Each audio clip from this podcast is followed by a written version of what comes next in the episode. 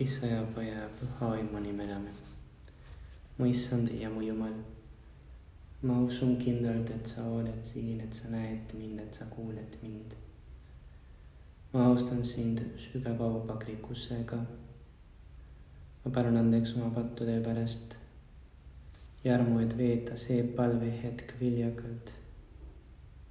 mu päris patuda ema, püha Joosep, mu isa ja isand mu kaitseingel, palvetage minu eest.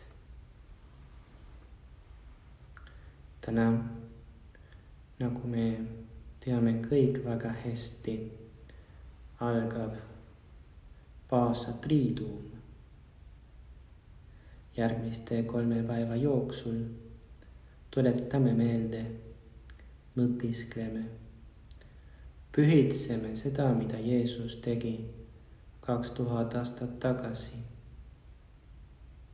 tähistame tema kannatamise, surma ja ülestõusmise mälestust. ja me teeme seda erilisel viisil. see tähendab sakramentaalselt. see ei ole lihtsalt mälestus. see, mis juhtus Kolgatas kaks tuhat aastat tagasi juhtub uuesti täna veel parem. pühitseme Jeesuse läbi Jeesusega ja Jeesuses sedasama, mis juhtus Kolgatas. ja täna triiduumi esimesel päeval meenutame Jeesuse viimsed õhtusööma aega, seda, mida Jeesus tegi sel hetkel, sel päeval. sel momendil Jeesus, kes oli veel oma jüngritega, oma postlitega, tegi ette teoks seda, mis peab toimuma järgmisel päeval ning annab oma apostlitele käsu. tehke seda minu mälestuseks. sel päeval Jeesus andis meile mitte ainult armastuse käsu, vaid ka armastuse sakramendi, Euharistia, armulaua ning loomulikult seadis ka vaimuliku seisundi sakramendi, sest ilma preestrita pole armulauda. seepärast täna, issand, me täname sind, Euharistia, preestrite ja armastuse käsu eest. Need kolm asja on loomulikult omavahel väga seotud. loomulikult kõige olulisem asi on armastus, nagu me teame väga hästi. püha Paulus kirjutab korintlastele, et nüüd jääb usk, lootus, armastus, need kolm. aga suurim neist on armastus ja tegelikult Jeesus, kes armastab meid väga, nagu me äh, loeme tänases evangeel-, tänasest evangeeliumist, äh, armastas ka meid lõpuni. evangeelium ütleb, et enne Vaasapühi, kui Jeesus teadis, et tema tund on tulnud minna sellest maailmast ära isa juurde. Jeesus teab, et ta peab meie eest varsti surema. siis tema, kes oli armastanud omi selles maailmas, armastas neid lõpuni. ja õhtusööma ajal olles, kui kurat oli juba pannud Juudas Iskarioti Siimona poja südamesse, et ta tema reedaks ja kui Jeesus teadis, et isa on andnud tema kätte kõik ning et ta on pärit Jumala juurest ja läheb tagasi Jumala juurde. tõusis ta õhtu söömaajalt üles, pani oma kuue ära, võttis rätiku ning sidus selle endale vööle.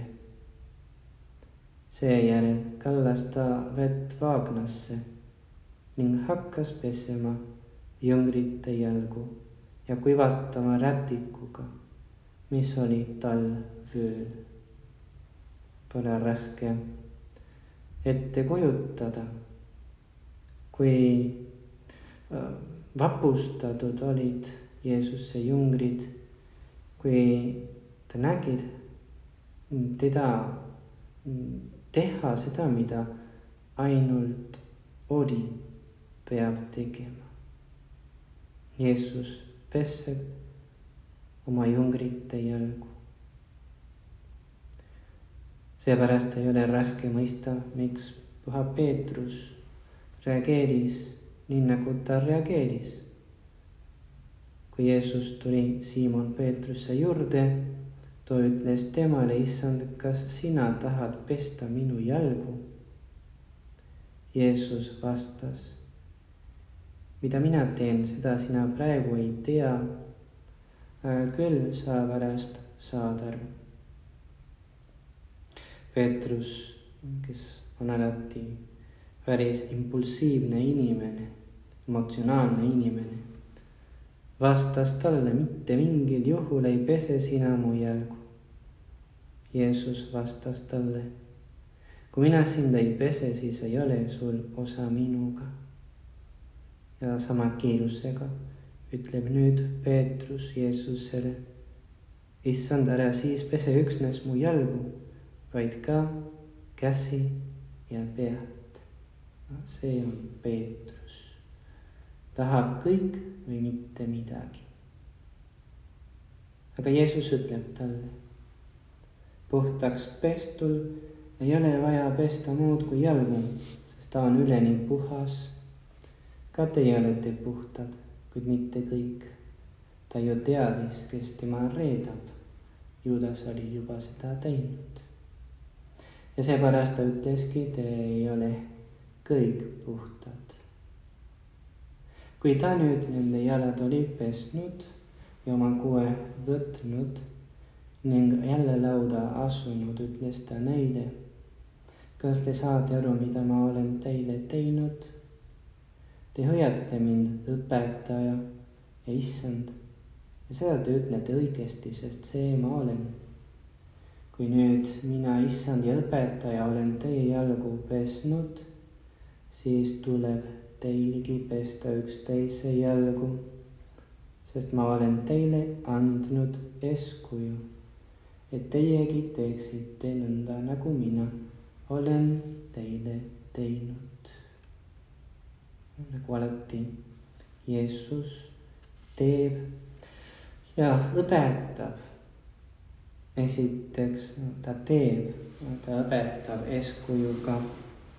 ta peseb oma jüngrite jalgu ja alles siis ta seletab meile, miks ta on seda teinud. nagu oleme lugenud, mina issand õpetaja on teie jalgu pesnud, siis tuleb teilgi pesta üksteise jalgu. peame nii nagu Jeesus tegi. kui me ütleme, et me armastame neid, peame siis nagu Jeesus teisi teenima. nii nagu me oleksime tema orjad. ja seepärast veidi hiljem Jeesus ütleb oma jüngritele, ma annan teile ühe käsu, armastage üksteist. nõnda nagu mina teid olen armastanud, armastage teiegi üksteist. kui selge pidi olema jüngritele, mida see tähendab, kuidas Jeesust või kuidas tahab Jeesus, et me armastaksime. ükskord, et ta oli nende jalgu pesnud. et nii nagu Jeesuse armastus on suur, peab meie armastus suur olema. aga, aga mida see tähendab? kuidas armastada lõpuni? kuidas Jeesus armastab meid?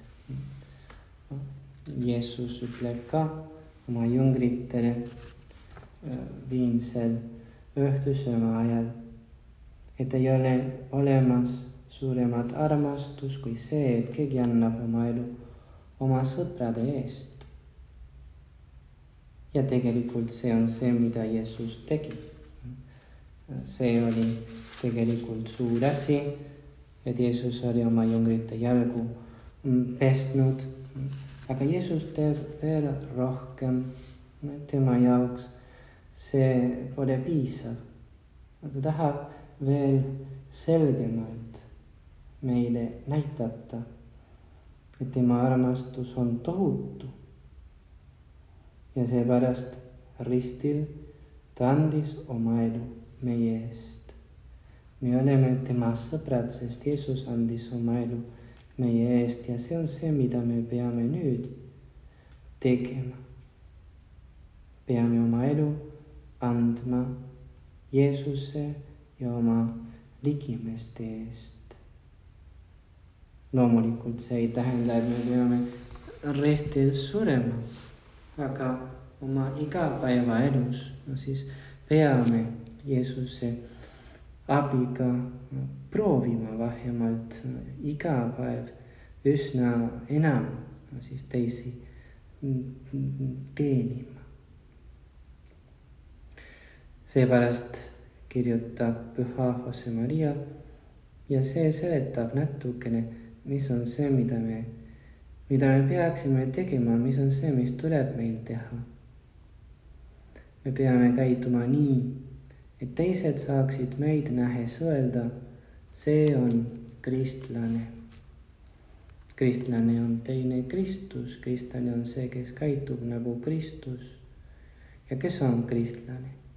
miks inimesed äh, saavad öelda, see on kristlane ja seletab püha Jose Maria, sest ta ei vihka, sest ta oskab mõista, sest ta ei ole fanaatik, sest ta valitseb oma kirgi, sest ta toob ennast ohvriks, sest ta näitab üles rahutundeid, sest ta armastab. no kes on see, kes armastab? see, kes ei vihka see, kes oskab mõista, see, kes toob ennast ohvriks, see, kes näitab üles rahutundeid, see, kes teenib, no kui ta töötab, kui ta räägib teistega, on lahke, see, kes tegudega, oma igapäevaelu tegudega, siis näitab, noh, et ta hoolitseb teiste inimeste eest. aga arvan, et on loomulik kui me küsime ja me saame seda praegu Jeesuselt küsida, kas see on tegelikult võimalik, kas on realistlik mõelda, et me saame niimoodi armastada. me teame, et Jeesus saab seda teha, sest Jeesus suri ristil, sest Jeesus siis, kui ta oli maa peal mõtles ainult teistele, mitte kunagi tegi mitte midagi oma kasuks. aga me teame, kes me oleme. me teame, et, et ei ole nii lihtne teisi armastada. me ei ole Jumal, me ei ole Jumala poeg, oleme Jumala lapsed, sest me oleme ristitud, aga on selge, et me ei ole veel nagu Jeesus, tahaksime olla nagu Jeesus. aga me ei ole veel nagu Jeesus.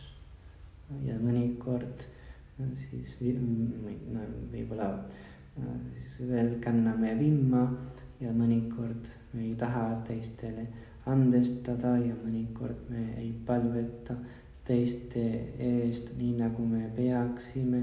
ja, ja seepärast võiksime öelda või keegi võiks öelda, kas see on mõistlik. Kas see käsk on üldse mõistlik? meile öelda, siis käskida, et me peame teisi armastama nii, nagu Jeesus teeb. kuidas on see võimalik? Jeesus saab seda teha, aga meie ja meiegi ka, meiegi ka.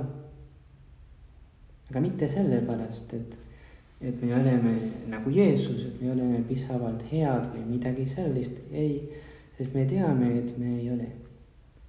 aga teame ka, et Jeesus ei tahtnud meid maha jätta. Jeesus ei jäta meid kunagi maha.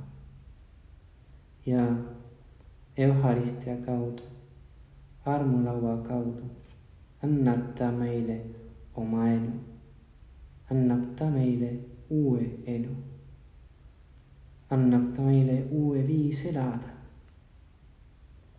ükski me ei saa mitte midagi.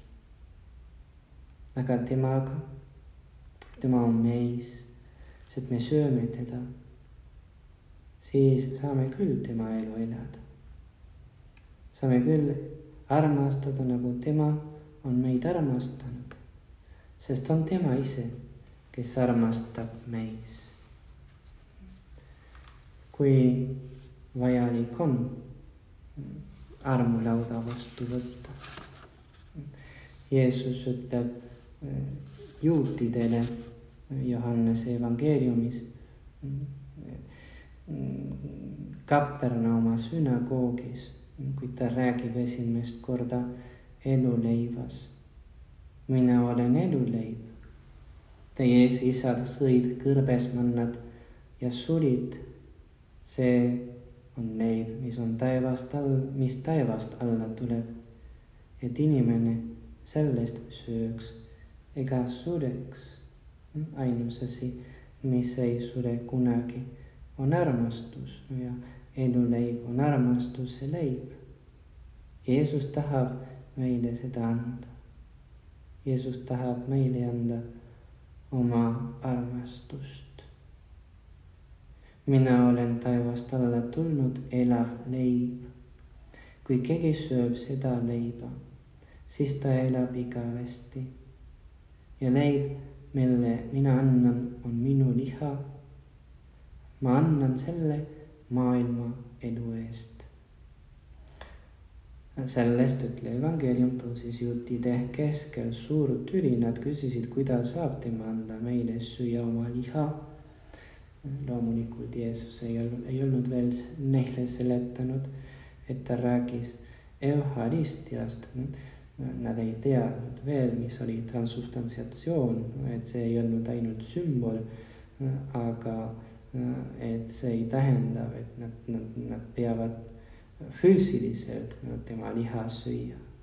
isegi kui me teame, et iga kord me võtame armulauda vastu, siis me võtame Kristuse ihu substantsi vastu. aga need inimesed ei saa aru veel, millest Jeesus räägib ja küsivad, kuidas saab tema anda meile süüa oma liha. Jeesus ütles neile, tõesti, tõesti, ma ütlen teile kui te ei söö inimese poja liha ega joo tema verd, ei ole teie sees elu. kes minu liha sööb ning minu verd joob, sellel on igavene elu ja mina äratan ta üles viimsel päeval. sest minu liha on tõeline roog ja minu veri on tõeline jook. kes minu liha sööb ning minu verd joob, see jääb minusse ja mina temasse. nii nagu elav isa minu on lägitanud ja mina elan isa läbi, nii elab ka see, kes mind sööb minu läbi. See ongi leib, mis on alla tulnud taevast. see ei ole niisugune leib, mida teie esiisad sõid ja surid. kes seda leiba sööb, elab igavesti, meil me oleme juba ilmselt mitu korda äh, armulauda eluleiba söönud. ja siis see tähendab, et meil on igavene elu. meil on igavene elu. Ja kui me sööme veel armulauda, siis me jääme Jeesusesse ja tema meisse. see on kindlasti nii oluline ja samal ajal nii kaunis. Jeesus annab meile oma igavese elu ja jõudu. iga kord me sööme tema ihu. noh, võib-olla nüüd äh, selles olukorras, praeguses keerulises elukorras, siis pandeemia pärast ei ole nii lihtne nagu tavaliselt Euharistiat vastu võtta, Jeesuse ihu süüa ja võib-olla sellepärast saame nüüd aru veel selgemalt, kui kasulik ja oluline see on. aga nagu kirik seletab meile, paavst on äh, sellest ka rääkinud ja ta on meie karjane äh, ja ka meie piiskop on seda ütelnud, aga kui tahtes ja kasuliks on, siis nüüd, no siis vaimset armulauda tihti lugeda see on loomulikult ka, tähendab, ei ole täpselt sama kui äh, armulauda vastu võtta, aga see on ka väga viljakas. Sest see rõhutab meie soovi Jeesust varsti uuesti vastu võtta ja rohkendab meie armastust tema vastu. kui me oleme mitu korda päevas, siis vaimset armulauda lugeda, siis pärast, kui me saame Jeesuse ihus süüa, see on kindlasti, kindlasti viljakam. ja vaimne armulaud on, on lihtsalt palve. me saame näiteks lugeda seda, mida Püha Jose Maria tavaliselt luges, no seda, mida Äh, seda, see on see palve, mida ta õpetas, kui ta oli veel äh, väike poiss ja ta ei olnud veel äh, esimest korda armulauda söönud. tahaksin sind, issand, vastu võtta selle, sellise puhtuserandlikkuse ja hardusega, nagu sind vastu võttis sinu pühim ema, pühakute vaimu ja hõõgusega aga saame lihtsalt siis öelda Jeesusele meie südamega, et me, et me soovime teda vastu võtta. ja see on juba vaimne armulaud. Igal juhul on selge, et armulaud, no siis tõeline armulaud on meie jaoks väga vajalik, no ja seepärast siis palume veel üks kord issandale, issandat, no siis palume teda, palume Jeesust, palume Jumalat, et see pandeemia lõpeks varsti ja et me võiksime äh, varsti no siis uuesti oma mm, tavalisse elu, ellu tagasi pöörduda.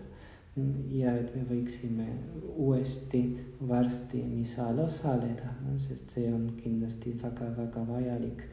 me vajame sind, issand ja samal ajal siis nagu oleme tihti teinud ilmselt neid, nende päevade jooksul ja ta ja teeme veel, no siis palvetagem, ärgem unustagem palvetada haigete eest ja surijate eest ja need, kes on juba surnud, sest nad vajavad veel meie abi ja me saame neid aidata, kui me palvetame nende eest.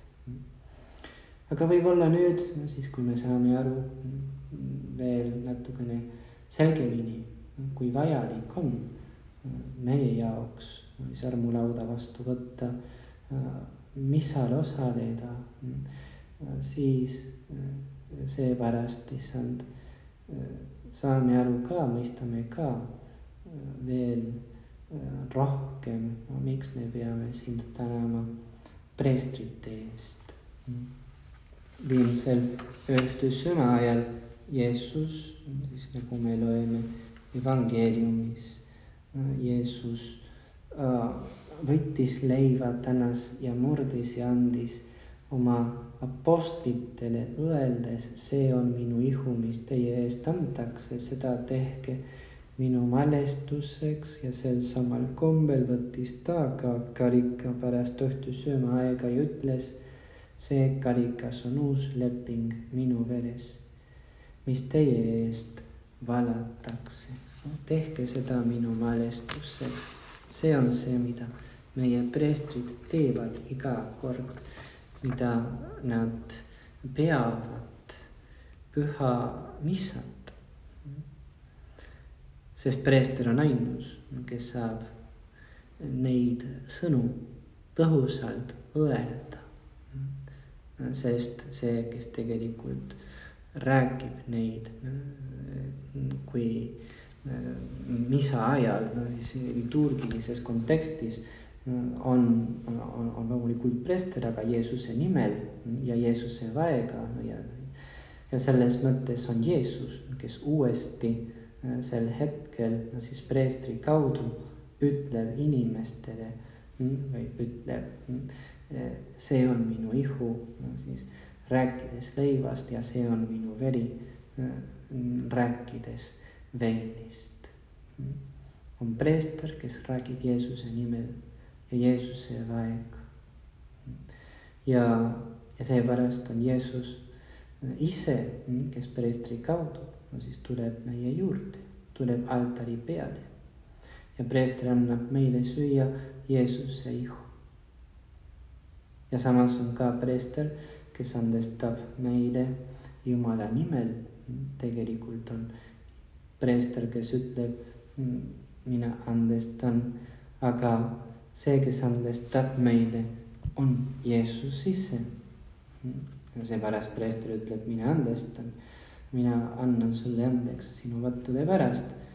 kui, eh, kui ei oleks Jeesus, kes sel hetkel räägib, siis preestri kaudu, siis see preester oleks täiesti hull, sest ainult Jumal saab eh, patte andestada. aga preester andestab meile Jeesuse nimel. kui me eksime, kui me ei saanud Jumala tahtmist täita kui me ei saanud armastada teisi nii, nagu Jumal ootab, siis isegi kui ta annab meile oma jõudu, siis preestrite äh, kaudu, kes annavad meile, äh, preestrite abiga, kes annavad meile Jumala andestust, no saame uuesti alustada.